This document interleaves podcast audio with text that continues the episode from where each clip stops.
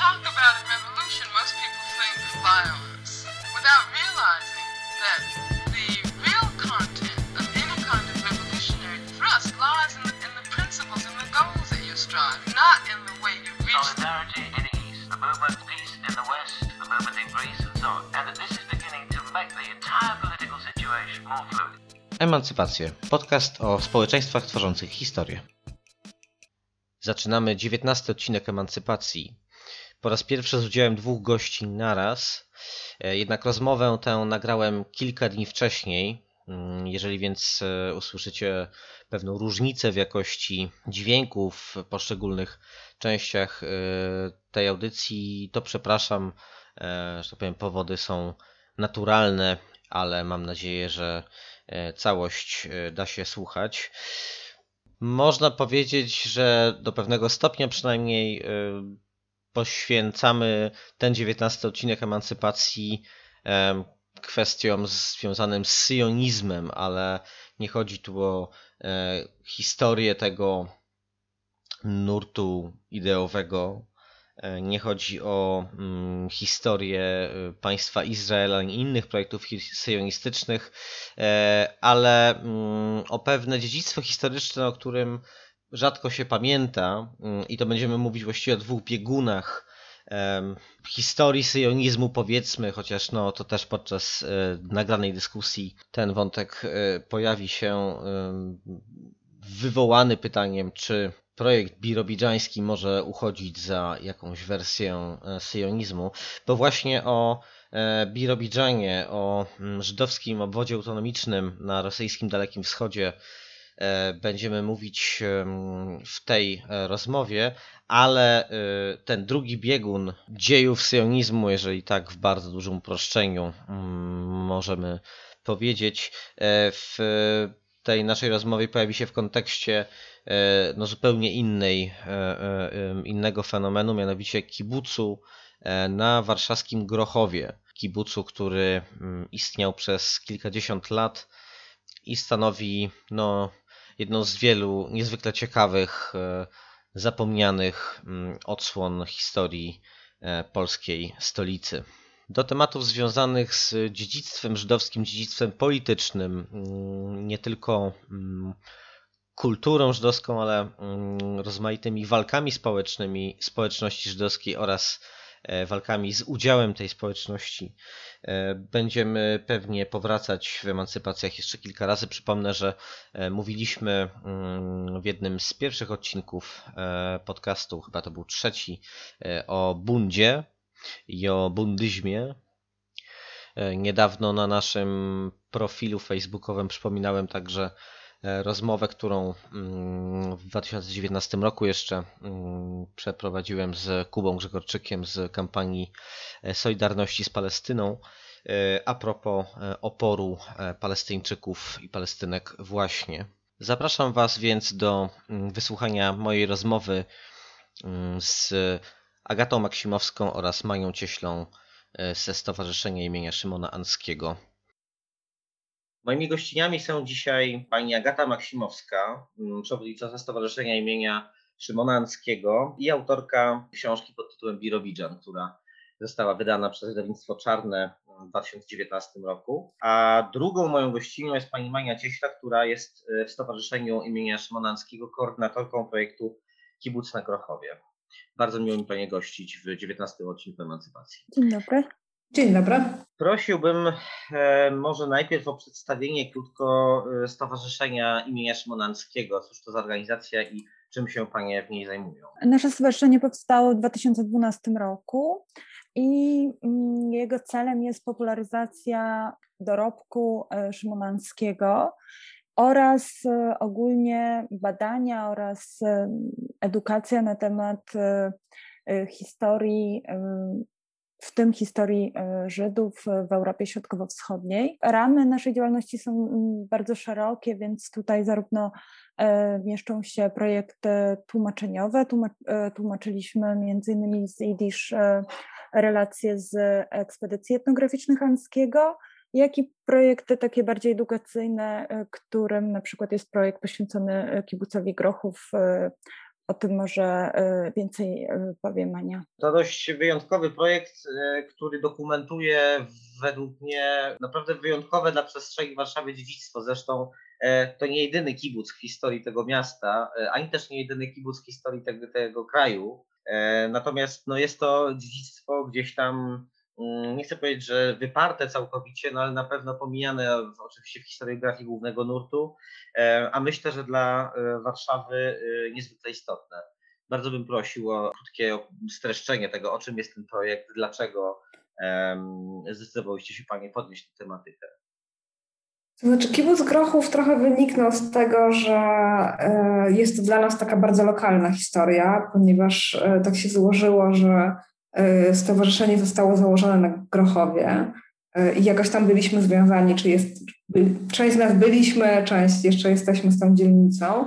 E, I to taka bardzo lokalna była historia i to trochę był taki, um, trochę właśnie był taki pomysł na taką lokalną, zapomnianą historię, czy lokalną, nie do końca nam nawet znaną historię, którą sami chcieliśmy odkryć, która sama nas zaintrygowała przez taką swoją trochę powiedzmy y, nieoczywistość, paradoksalność, właśnie kibuc, który nie pasuje do Warszawy.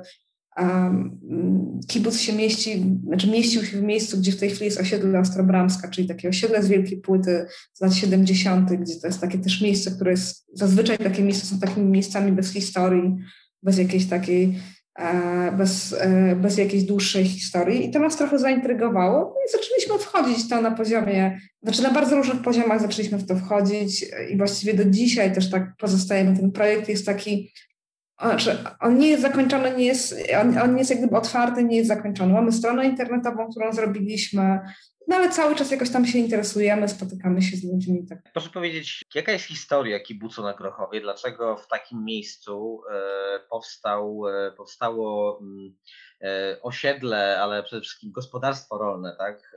przygotowujące, w zamyśle przygotowujące młodych Żydów i Żydówki do pracy na roli, którą mieli następnie podejmować w Palestynie. Proszę powiedzieć, skąd się wziął taki pomysł i kim była społeczność, kim, kim byli członkowie i członkinie społeczności, która e, współtworzyła ten projekt? Czy wbrew pozorom, e, jak, się, jak zaczęliśmy głębiej, znaczy głębiej wchodzić w ten temat, okazało się, że e, to, co na początku wydawało nam się najbardziej kuriozalne, mianowicie połączenie kibucu i, i Warszawy, czy w ogóle połączenie kibucu i diaspory, tak naprawdę nie jest takie kuriozalne, bo w latach 30. było więcej kibiców, kibuców na terenie Polski niż w Palestynie. To, był, to było centrum ruchu kibucowego jako takiego.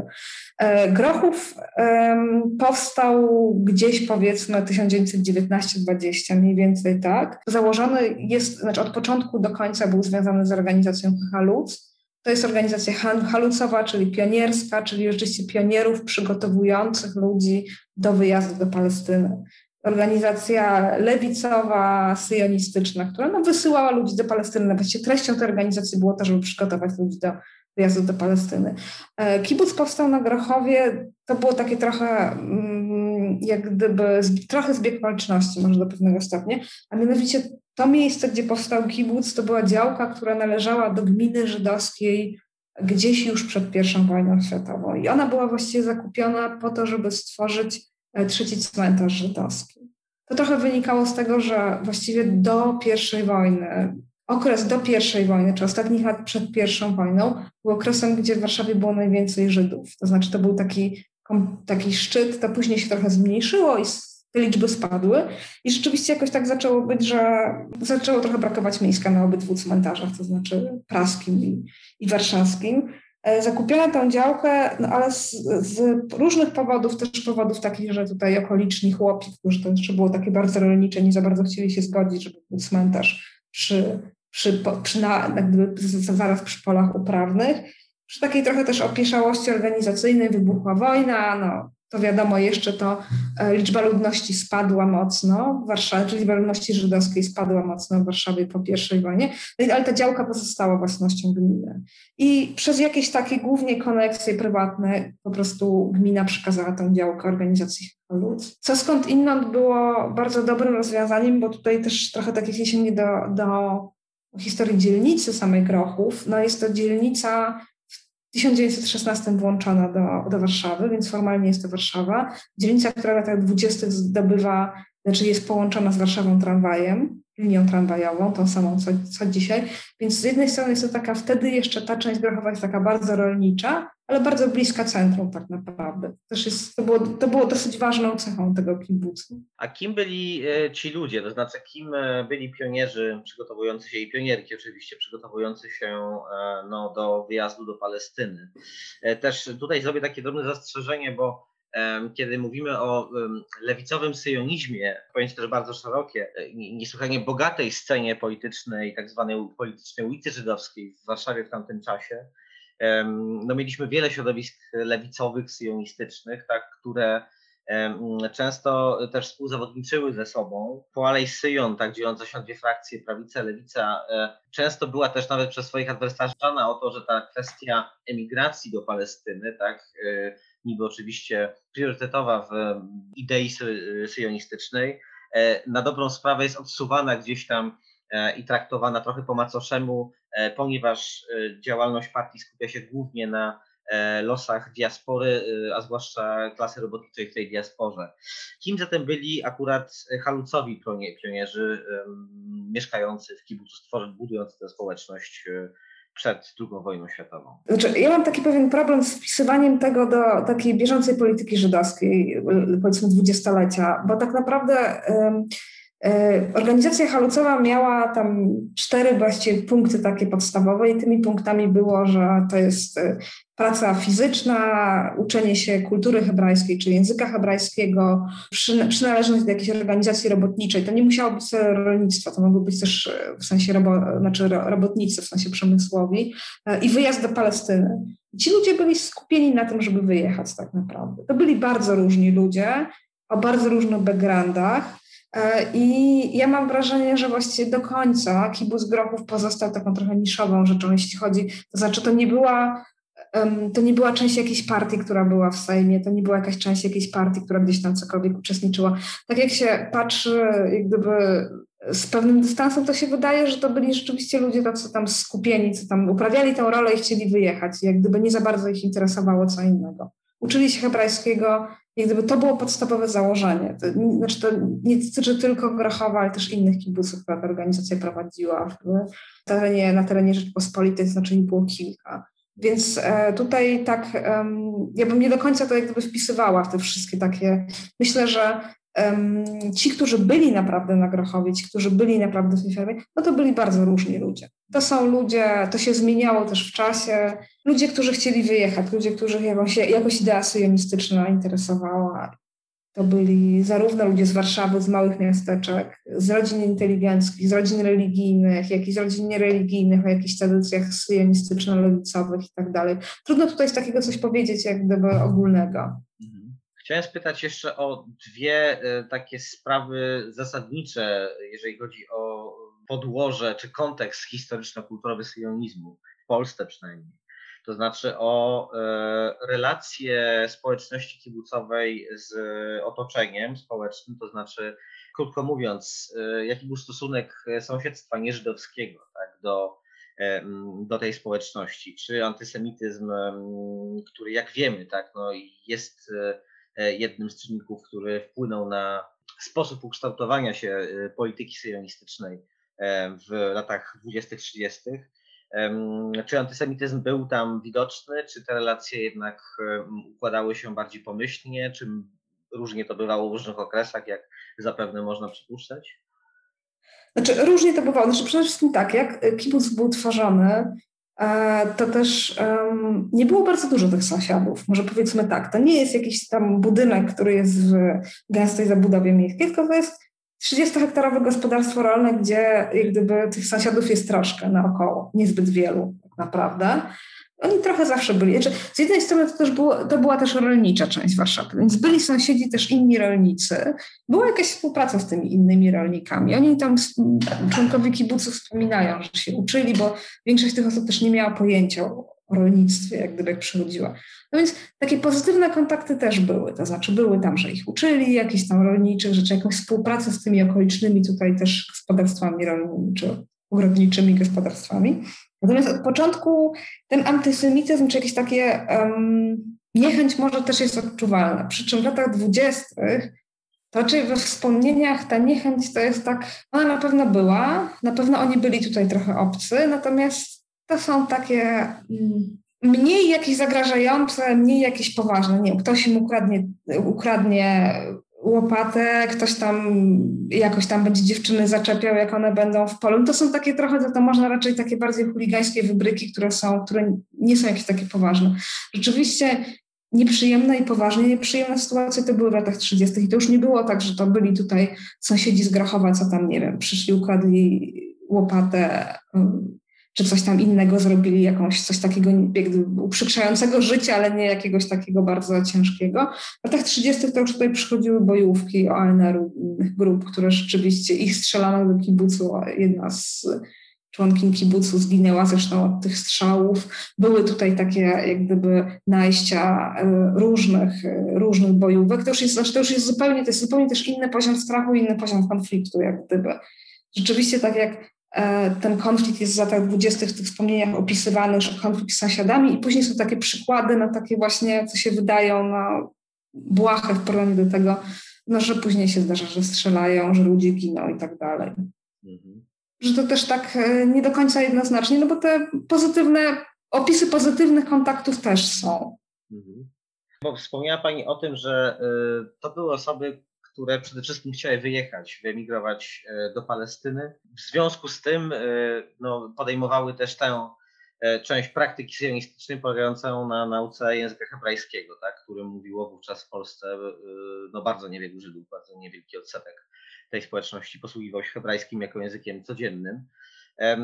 Natomiast ciekawi mnie rola kultury jidysz, tak, która no, wbrew e, chyba często dość reprodukowanemu poglądowi e, wcale nie była obca e, syjonizmowi. Przeciwnie, no, wielu takich, zwłaszcza w lewicowym nurcie mm, syjonizmu, mm, Dorber Borochow na przykład tak był no, wielkim tutaj wielkim jidyszystą, taki wielkim e, znawcą literatury jidysz i promotorem języka jidysz i też no, promotorem idei e, kultury języka jidysz jako, e, jako ważnego czynnika tożsamościotwórczego dla społeczności robotniczej, ta, która miała wyjeżdżać do Palestyny i tam organizować bardziej sprawiedliwy system społeczny. Proszę powiedzieć, jak, jak ta kwestia językowo-kulturowa wyglądała w, w, w kibucu? Czy ten hebrajski rzeczywiście był jedynym celem, jakby wokół, wokół, tej, wokół tego języka? To był, pod, to był znaczy podstawa organizacji helucowych, te cztery podstawowe punkty. Drugi wśród nich to było krzewienie kultury hebrajskiej i nauka języka hebrajskiego. To było najważniejsze. E, we wspomnieniach kibucników też takie są tam różne fajne wspomnienia, które E, mówią, że, znaczy oczywiście to jest jakaś projekcja, prawda? Ja nie wiem, jak oni mówili między sobą, na pewno między sobą mówili, ale deklaratywnie wszystko to było hebrajskie. Oni się uczyli hebrajskiego i oni odrzucali kulturę i piszą, że, no, że, że oni tylko po hebrajsku mówili, że to jest w ogóle ten nowy, jak gdyby człowiek, który mówi po hebrajsku. Fakt jest, że organizacja halucowa wydawała różnego rodzaju prasę, też jakieś, nie wiem, jednodniówki, tego typu rzeczy. To wszystko było hebrajskie i zachowane archiwum, czy może część archiwum e, kibucu Grochów oraz organizacji, no jest całe hebrajskojęzyczne. Tutaj nie ma języka jidysz.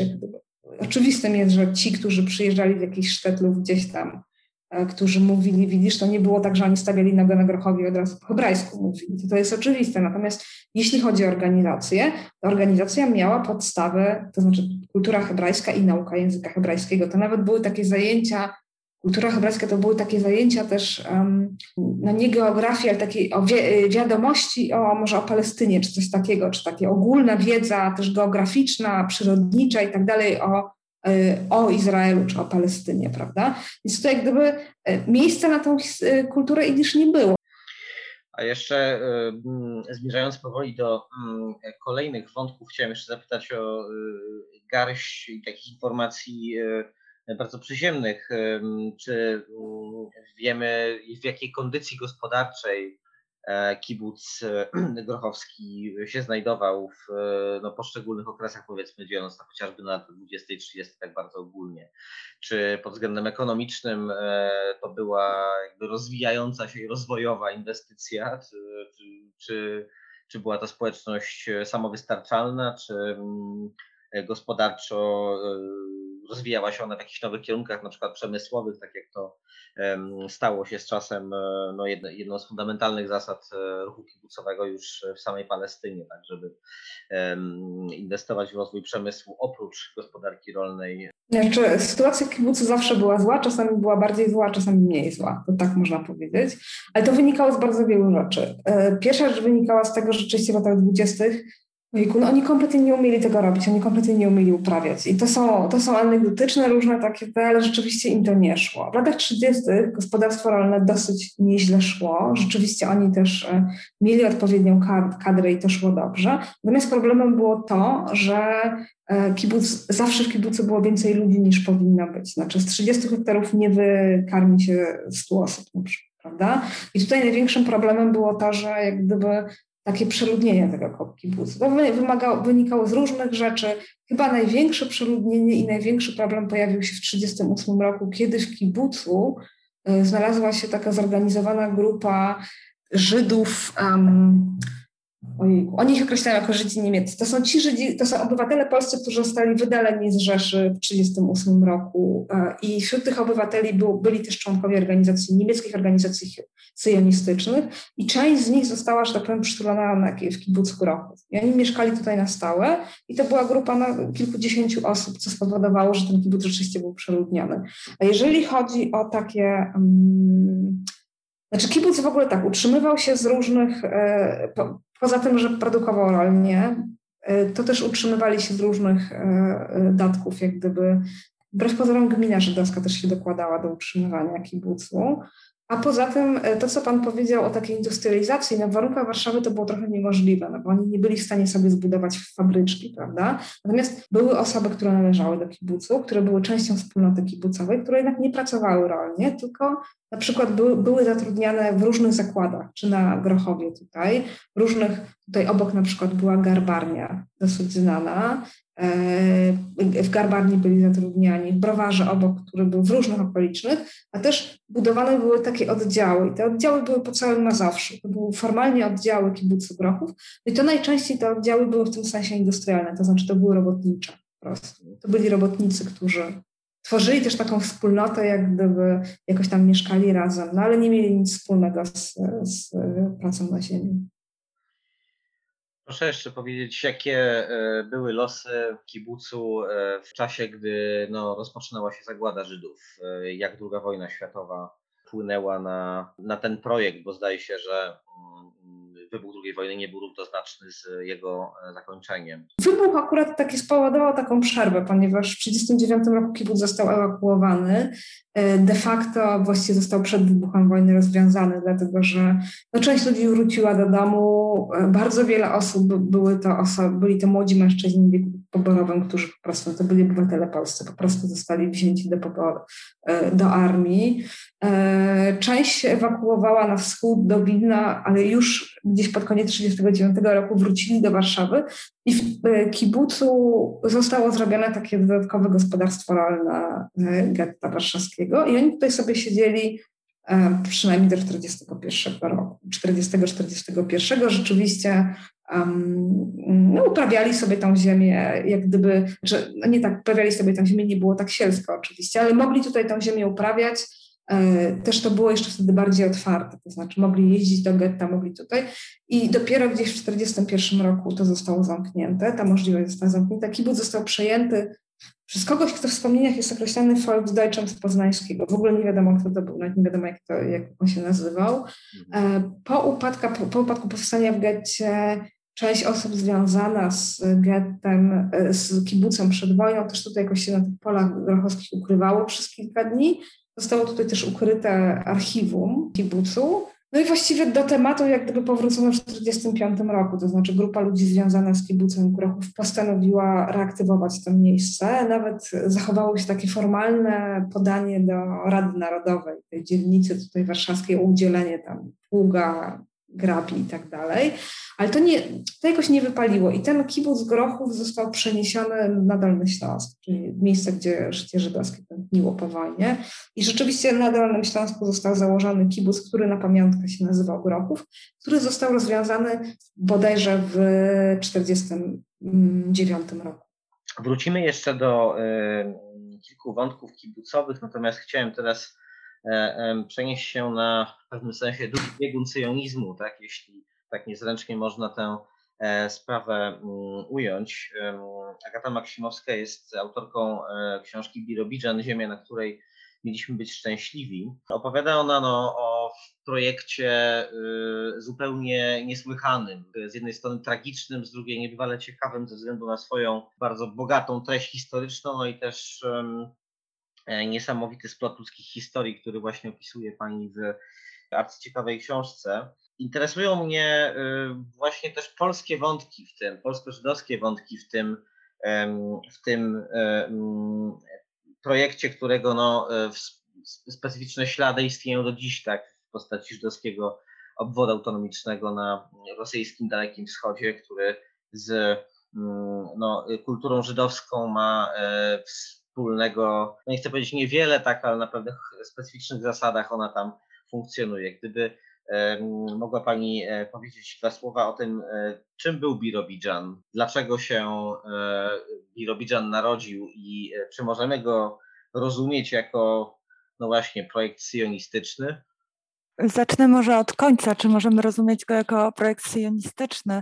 Ponieważ e, często dzisiaj e, jest on e, porównywany do, do państwa żydowskiego, którym jest współczesny Izrael. I zdarza się, że dziennikarze, którzy przyjeżdżają pisać różne relacje, reportaże z Birobidżanu, automatycznie porównują Izrael z żydowskim obwodem autonomicznym. Oczywiście na, na niekorzyść tak, żydowskiego obwodu autonomicznego. Jest to moim zdaniem całkowicie nieuprawnione, ale skutkuje to takimi porównaniami, e, sformułowaniami jak e, czerwony Syjon, e, zapomniany Syjon Stalina, i tym podobne określenia, które spotyka się mm, właśnie w odniesieniu do Birobidżanu. W, jakby w takim rozumieniu Birobidżan jest karykaturą, karykaturą Izraela, jest w ogóle jakby karykaturą projektu syjonistycznego. Myślę, że warto powiedzieć, że kiedy powstawał żydowski obwód autonomiczny, a powstawał on jakby jako całkowicie projekt radziecki, będący tworem na splocie jakby dwóch polityk e, radzieckich, polityki narodowościowej, polityki, polityki społecznej, tak? ponieważ chodziło tutaj w dużej mierze też o jakby przebudowę struktury społecznej ludności żydowskiej w Związku Radzieckim. E, no i oczywiście e, pewne znaczenie miały również, miała również polityka międzynarodowa, jeśli chodzi o ulokowanie tego konkretnego projektu osadnictwa żydowskiego. Więc jako projekt radziecki on był e, przedstawiany jako alternatywa dla zachodniego burżuazyjnego projektu syjonistycznego, jakim e, e, wówczas było osadnictwo w Palestynie. I jako taki był również, e, znaczy był, cieszył się popularnością wśród e, zachodnich organizacji żydowskich. E, powstawały również specjalne jakby odgałęzienia różnych amerykańskich czy kanadyjskich organizacji żydowskich, czy też osobne organizacje mające na celu wspieranie osad, jakby osadnictwa żydowskiego w Birobidżanie. Zachęcano Żydów z całego świata tak naprawdę. To też na przykład byli Żydzi mieszkający w Argentynie, Argentynie, żeby budowali właśnie tę nową mm, e, ojczyznę, tak jak w państwie, które samo w sobie jest, jest społecznym eksperymentem mającym jakby opierać się na równości, e, na socjalizmie, tak, to, to były jakby wartości, które e, wydawały się dużo bardziej atrakcyjne dla sympatyzującej jakby ze Związkiem Radzieckim części tych środowisk żydowskich na Zachodzie. Więc to jakby trudno mm, powiedzieć, że to był projekt syjonistyczny. On na pewno miał stanowić e, alternatywę e, dla syjonizmu w tamtym okresie. Natomiast e, warto może powiedzieć, że w samym Związku Radzieckim mimo że syjonizm, jakby partie syjonistyczne były, były zakazane, również nie cieszyła się jakby sympatią e, kultura mm, mm, oparta na języku hebrajskim, czyli to, co, o czym przed chwilą mówiliśmy w, odniesieniu do kibucu Grochów. Natomiast e, używano symboliki syjonistycznej, czy, czy, pewnych, czy pewnego takiego imaginarium związanego właśnie z osadnictwem na roli, E, właśnie w akcji propagandowej zachęcającej do osadnictwa w Birobidżanie, czyli e, również mieliśmy do, do czynienia z takim jakby z obrazami przedstawiających nowych Żydów, e, Żydów pracujących na ziemi, wysportowanych, pewnych siebie.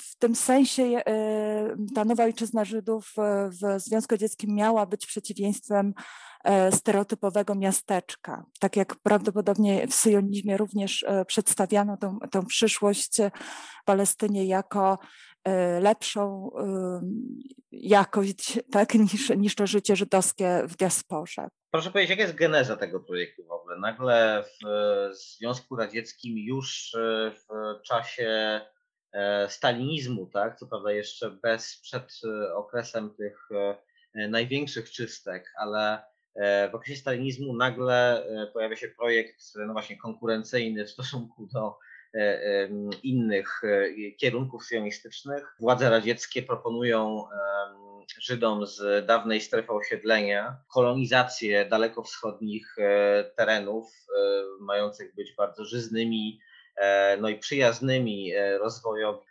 nowoczesnego rolnictwa. No, rzeczywistość oczywiście okazuje się, znaczy oczywiście, po prostu rzeczywistość weryfikuje te obietnice i wyobrażenia w sposób e, e, niesłychanie brutalny.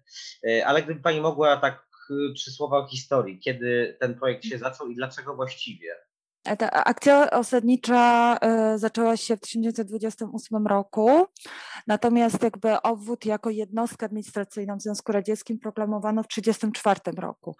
I tak jak mówiłam, że powstanie Birobiczanu jakby było wynikiem różnych polityk, które były wtedy realizowane e, na dużą skalę i z taką, powiedziałabym, pewną modernistyczną pychą, tak, to, to myślę, że na początku warto powiedzieć o tej polityce narodowościowej, któr, jakby w myśl której grupy etniczne e, znajdują się na różnym stopniu rozwoju ewolucyjnego. W związku z tym ten rozwój można jakoś badać i na podstawie tego wyznaczać im miejsce jakby w, e, w tej strukturze również administracyjnej Związku Radzieckiego. Przy czym bardzo ważna była wtedy ta e, jakby definicja Stalina o tym, że, że naród musi posiadać wśród kilku cech, tak, które, które go definiują również terytorium. Jeśli chodzi o Żydów i jakby dużą aktywność jakby polityczną Żydów jeszcze przed rewolucją, jakby trudno było zignorować e, grupę, e, grupę społeczną e, o pewnych aspiracjach, tak? Czy, czy to były jednak aspiracje do autonomii w diasporze, czy, czy właśnie jakby do posiadania własnej, własnego państwa narodowego, no to trudno było to, to zignorować, mówiąc, że na przykład Żydzi nie są narodem, ponieważ, ponieważ nie mają tego terytorium. I ta kwestia tego terytorium cały czas powracała i kiedy zdecydowano się w tym porządku takim ideologicznym e, polityki narodowościowej znaleźć miejsce dla Żydów, to bardzo ważne było, aby móc ich tak e, właśnie przypisać e, w tej, w tej całej jakby strukturze również do jakiegoś terytorium. I to była jedna kwestia, tak, tego, żeby uporządkować. Dlatego powiedziałam o takiej modernistycznej mhm. pysze, bo ona się wiąże z tym, że wszystko można zbadać, wszystko można opisać jakby można w taki bardzo przewidywany sposób też zarządzać. Mhm. Jest to też taka polityka kolonialna, tak, jeżeli kojarzymy jakby te systemy zarządzania w, państwach kolonialnych, no to tutaj również zarządzanie grupami etnicznymi przez przypisywanie im e, tożsamości i jakby w tym sensie stwarzanie ich, e, a wraz z tożsamością różnych praw bądź braku tych praw, no to jest taką praktyką kolonialną, więc tutaj jakby no, no, no by, była, była to pewna wizja, która oczywiście e, e, w realizacji musiała się spotkać z pewnym oporem. E, natomiast druga rzecz to było po prostu położenie ludności żydowskiej, jeśli chodzi o sytuację taką społeczno-ekonomiczną.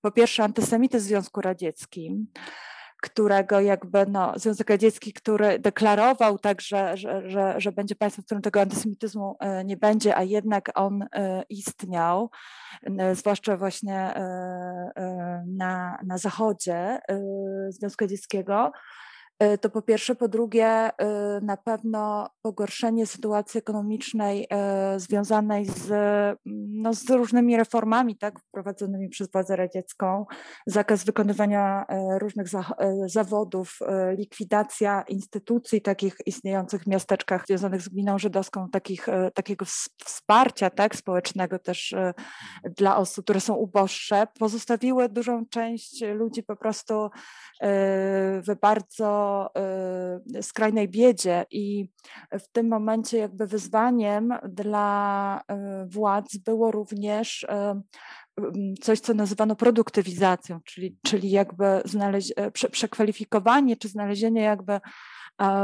nowego miejsca właśnie, jeśli chodzi o strukturę zatrudnienia dla tych ludzi. I agraryzacja wydawała się tutaj najbardziej takim naj, najłatwiejszym może do, do, do zrealizowania projektem y, te, te, tej produktywizacji i y, zaczęto tworzyć y, kolonie rolnicze. Więc najpierw powstawały kolonie rolnicze, a potem powstał Birobiczan, tak? Więc jakby to się, to się toczyło troszeczkę równolegle, bo z jednej strony mieliśmy jakby zachęcanie Żydów do tego, żeby wystawali się ludźmi radzieckimi w tym sensie, żeby, żeby na równi z innymi obywatelami Związku Radzieckiego budowali tak tę, tę, tę przyszłość, e, zatrudniali się e, właśnie w fabrykach czy, czy w kołchozach, a z drugiej strony właśnie i umożliwiano im to tworząc te kolonie rolnicze, na przykład między innymi na Krymie, a z drugiej strony szukano jakby takie, takiej e, może ideologicznej e, podbudowy dla, e, dla całej takiej akcji właśnie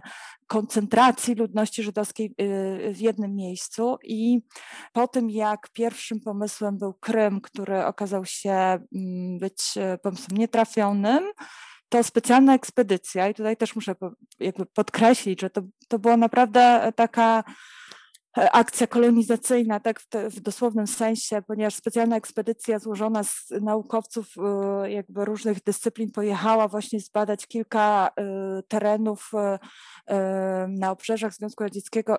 Znaczy za rekomendacją tej komisji zdecydowano się tak, tak, na, na wybór akurat Birobidżanu. Znaczy na pewno to było wyzwanie po, po, później, tak, w zorganizowaniu osadnictwa tam, ponieważ z Moskwy pociąg jechał tam 30 dni, więc to w ogóle wydawało wydawało się przedsięwzięcie e, karkołomne.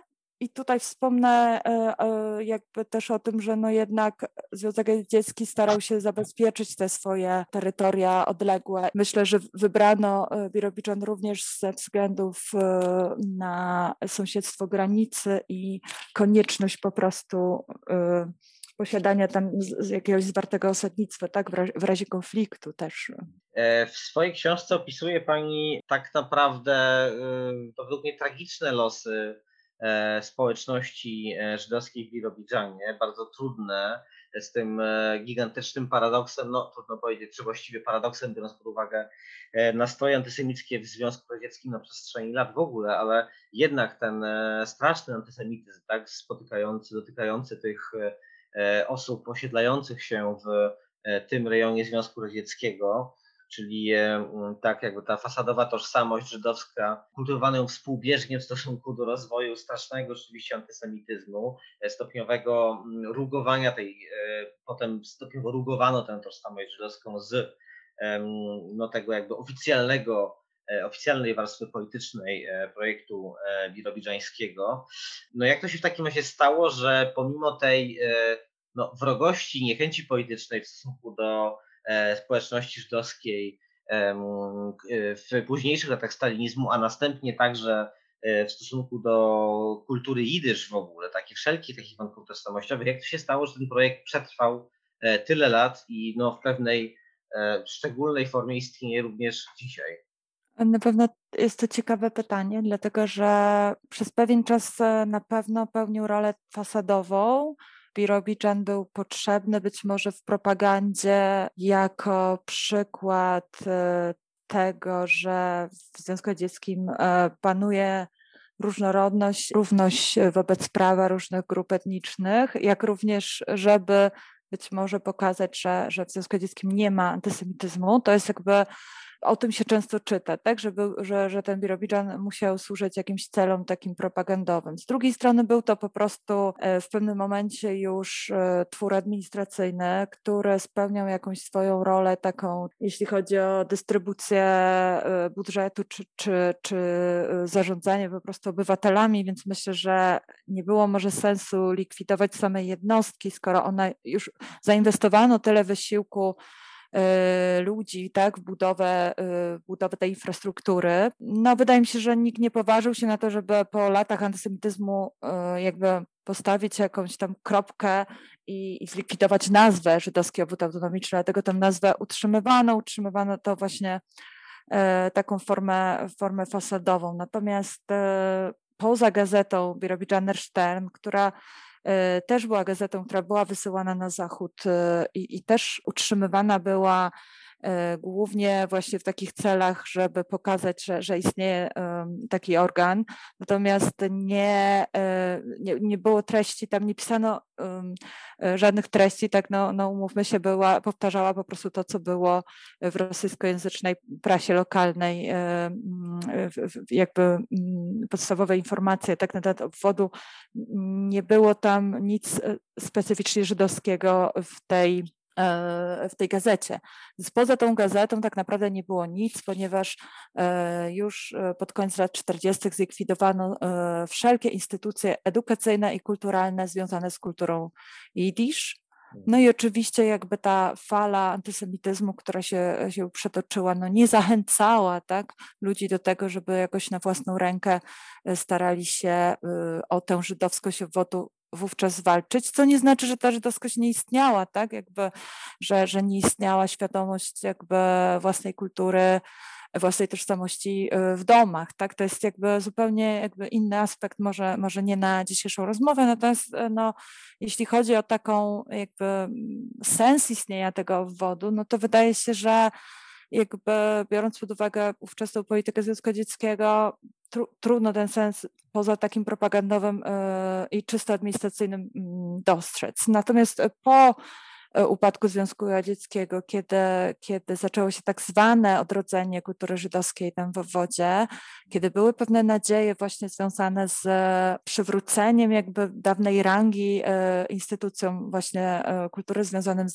z językiem jidysz, też były takie mm, starania o, o to, aby obwód awansował do statusu republiki, czyli takie bardziej, trudno powiedzieć, że separatystyczne, no ale bardziej w kierunku większej autonomii e, e, wysiłki. To wszystko jakby zakończyło się e, wraz z migracją do Izraela. Więc to można powiedzieć, że to była jakby taka druga, kolejna fala, która uniemożliwiła tak, obwodowi istnienie w jakiejkolwiek formie takiej, która może się... dalej tę tożsamość.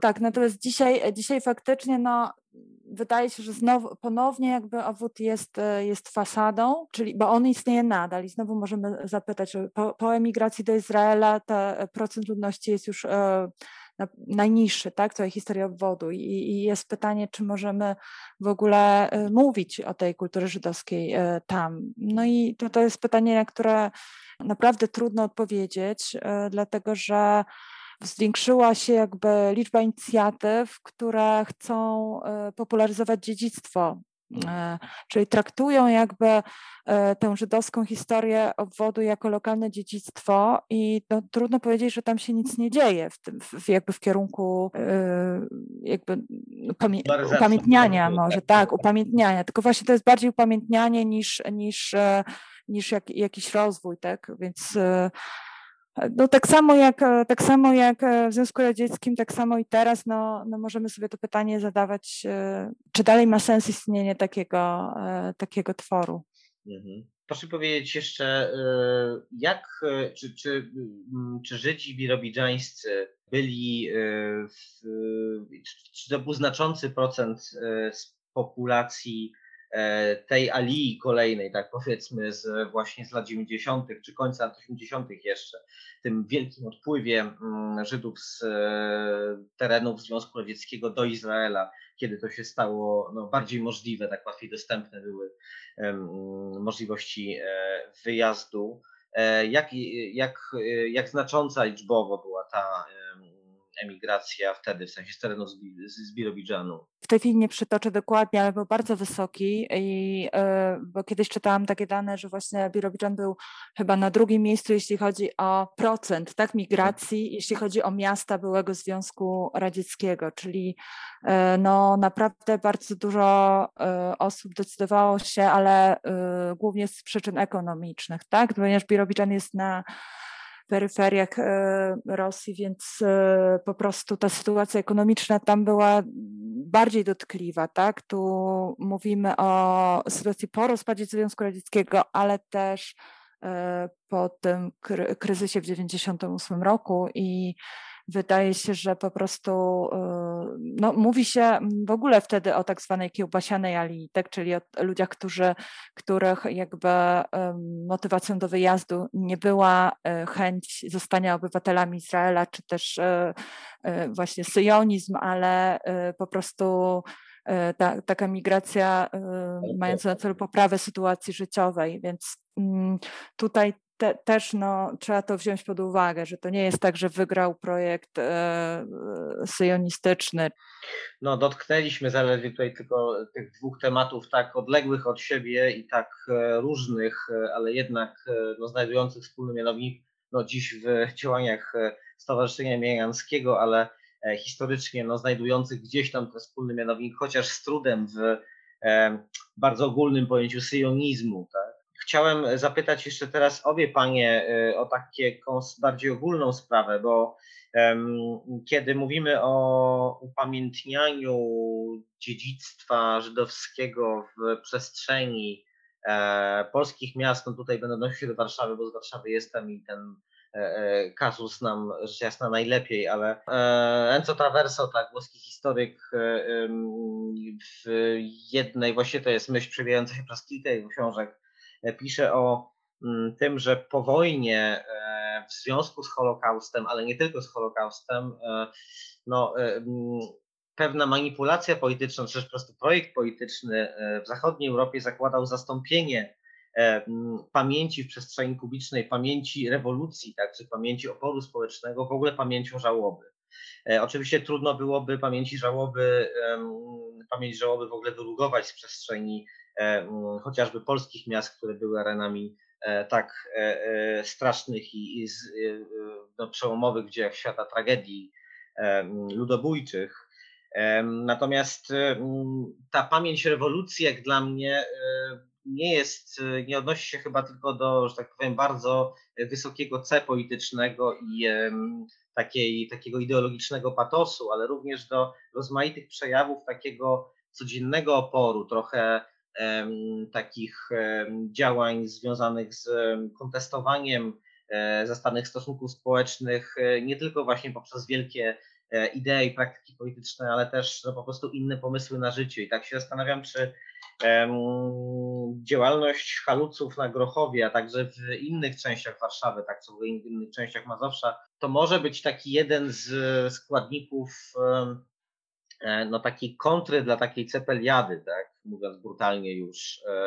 Um, oczywiście nie mamy świadectw materialnych, tak, ale nawet na poziomie narracji po prostu, na poziomie pewnej opowieści historyczno-politycznej, ale też opowieści o kulturze, czy um, no właśnie upamiętnienie tego rodzaju inicjatyw, tego rodzaju e, projektów społecznych, politycznych, e, e, gdyby chcieli zacząć w tym grzebać, że tak powiem, szerszą E, rzeszą ludzi badać e, te mm, fenomeny dokładniej, czy to nie jest dobre wyjście do właśnie no, trochę innego rodzaju kultywowania pamięci. Tak?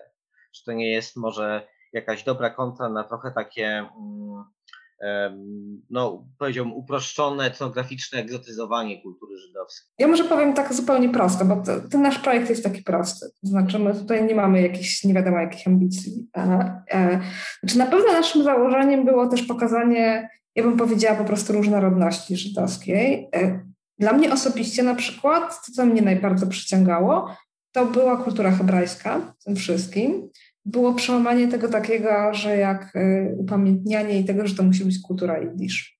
To na przykład mnie bardzo pociągało i jak gdyby pokazanie. E, ja myślę, że ten projekt nas też jest taki, znaczy przynajmniej tak jak ja go widzę i tak jak starałam się go kształtować jakoś, e, jako projekt e, bardzo lokalny, ale lokalny w sensie takim rzeczywiście grochowski lokalny. Grochów, który jest używany za gorszą dzielnicę, Grochów, który jest bardzo specyficzny w ramach Warszawy. I to było też takie pokazanie z jednej strony tej różnorodności na takiej mapie jak gdyby całej Warszawy, czy w ogóle całej kultury żydowskiej, to o czym trochę Pan powiedział, a z drugiej strony też właśnie dowartościowanie takiego miejsca, takiego gorszego miejsca. No bo wiadomo, na Grochów się nie jeździ, na Grochów jest daleko, Grochów to jest Grochów, Grochów swoje o Warszawie też myśli, jak gdyby. I to jest takie, jak gdyby dla nas też było ważne właśnie, żeby pokazać, że to niekoniecznie tylko nalewki, ale że to było też właśnie na przykład właśnie Grochów, Witolińska ulica, czy coś inne. Myślę, że to jest bardzo ważne. Myślę, że coś, co jeszcze wyszło do pewnego stopnia robiąc e, ten projekt i jak gdyby też um, jakoś wchodząc w tą dzielnicę, bo myśmy w sumie wchodzili w tą dzielnicę, wchodzili w tych ludzi, jakoś tutaj nawiązywaliśmy jakieś kontakty, e, uczyliśmy się od ludzi, słuchaliśmy ludzi, którzy były, byli, a to myślę, że dla mnie takim największym zdziwieniem było um, gdyby pamięć tego miejsca, znaczy pamięć tego miejsca, której teoretycznie właściwie nie ma, ale to też wynika z tego, że jak gdyby tak jak powiedziałam, tutaj było mało tych sąsiadów i nie za bardzo kto miał pamiętać, ale z drugiej strony jednak e, tacy grochowiacy, e, grochowiacy od pokoleń, którzy tutaj są, oni pamiętają, oni wiedzą, że coś takiego było przed wojną, oni potrafią to opisać, oni wiedzą, może nie wiedzą dokładnie co, tylko to nie są ludzie, którzy też jak gdyby to nie są ludzie, którzy trafiają na spotkania do klubu kawiarni, to nie są ludzie, którzy trafiają na projekty upamiętniające, na jakieś... E, myśmy na przykład, e, ja tego typu, pamiętam, rozmowy prowadziłam z jakimiś ludźmi, którzy na taki festyn uliczny, w którym braliśmy udział, Grochowski, przyszli i opowiadali tam różne rzeczy. Więc jak gdyby też jest takie, ten projekt pokazuje takie bardzo różne poziomy pamięci. Ten taki poziom lokalny grochowski, tych właśnie ludzi takich jak gdyby nietypowych odbiorców takich projektów pamiętnie pamięciowych też jest bardzo ciekawy i myślę, że też jest bardzo ważny. Pani Agato, jeszcze może słowo e, zakończenia. Czy możemy się spodziewać ze strony stowarzyszenia jakichś kolejnych e, działań na tym polu? Albo inaczej, co, co, panie, co Państwo e, w ogóle robicie w tej chwili w ramach, w ramach, w ramach stowarzyszenia? I... Szczerze powiem, że teraz akurat mamy chwilową przerwę, jeśli chodzi o naszą działalność, ponieważ te, troszeczkę też przerwa z różnych przyczyn e, obiektywnych, tak, e, jeśli chodzi o takie działania. Średnio raz, dwa razy do roku odbywały się spacery właśnie śladami żydowskiej historii Grochowa, które prowadziła właśnie Mania y, i one były też, też po kibucu, więc jeśli chodzi o ten kibuc, na pewno zapraszamy na naszą stronę, ponieważ tam są y, takie specjalne prezentacje, które zawierają bardzo dużo cytatów z tych wspomnień kibucników. Jeżeli komuś by, by, by brakowało takiej wiedzy, to tam są prezentacje dotyczące różnych obszarów życia i funkcjonowania kibucu. Natomiast e, no, zachęcamy też do, do um, lektury materiałów poświęconych ekspedycji Janskiego. To jest e, nasz taki, taki drugi projekt. Myślimy cały czas ciepło o kibucu Grochów i cały czas tutaj jakoś ten kibuc Grochów się toczy. Jesteśmy cały czas otwarci bardzo na różnego rodzaju jak gdyby nie wiem, do nas się zgłaszają jakieś szkoły w ramach jakichś konkursów historii lokalnej, jakieś takie rzeczy, więc wszystkie tego typu działania, które prowadziliśmy wcześniej, chętnie prowadzimy też teraz i, i gdyby jakoś tam myślimy ciepło o kibucu Grochów i mamy nadzieję, że może w świecie postpandemicznym jeszcze coś się urodzi. Oby. E, tego e, Paniom e, oczywiście życzę. Mm, bardzo dziękuję za udział w naszej audycji 19 spotkaniu w ramach emancypacji. Dziękujemy. Przypomnę, że moimi gościniami były mm, Agata Maksimowska oraz Mania Cieśla ze Stowarzyszenia imienia Szymona Anskiego. E, to koniec 19 odcinka. E, przypomnę jeszcze, że mm, wszystkie nasze audycje są dostępne za darmo, bez żadnych paywalli e, na Spotify, na SoundCloudzie, Google Podcasts jeszcze pewnie w innych serwisach, które korzystają za pomocą kanałów RSS z naszego podcastu, w sensie udostępniają go. 20 spotkanie okrągłe, jubileuszowe, które nie będzie w żaden sposób celebrowane szczególnie, ale mam nadzieję, że już niedługo, bez zbyt długich przerw. Przypomnę o profilu facebookowym Emancypacji, na którym e, informujemy o wszelkich e, istotnych i nieistotnych rzeczach związanych z podcastem i nie tylko. Mm, kiedy mm, ten odcinek zostanie opublikowany, udostępnimy też informacje dotyczące e, tego, gdzie można znaleźć dane, gdzie można znaleźć informacje na temat kibucu Grochów. Chodzi mi oczywiście o stronę projektu Kibuc na Grochowie o której wspominała pani Mania Cieśla. Przepraszam za wszelkie niedogodności dźwiękowe, które w tym odcinku mogły się pojawić. Mam nadzieję, że nie będą one szczególnie dokuczliwe. Żegnam się z Wami. Jeszcze raz zachęcam do lajkowania nas na Facebooku, a przede wszystkim do słuchania audycji. Ja się nazywam Jacek Drozda. Dzięki i do usłyszenia.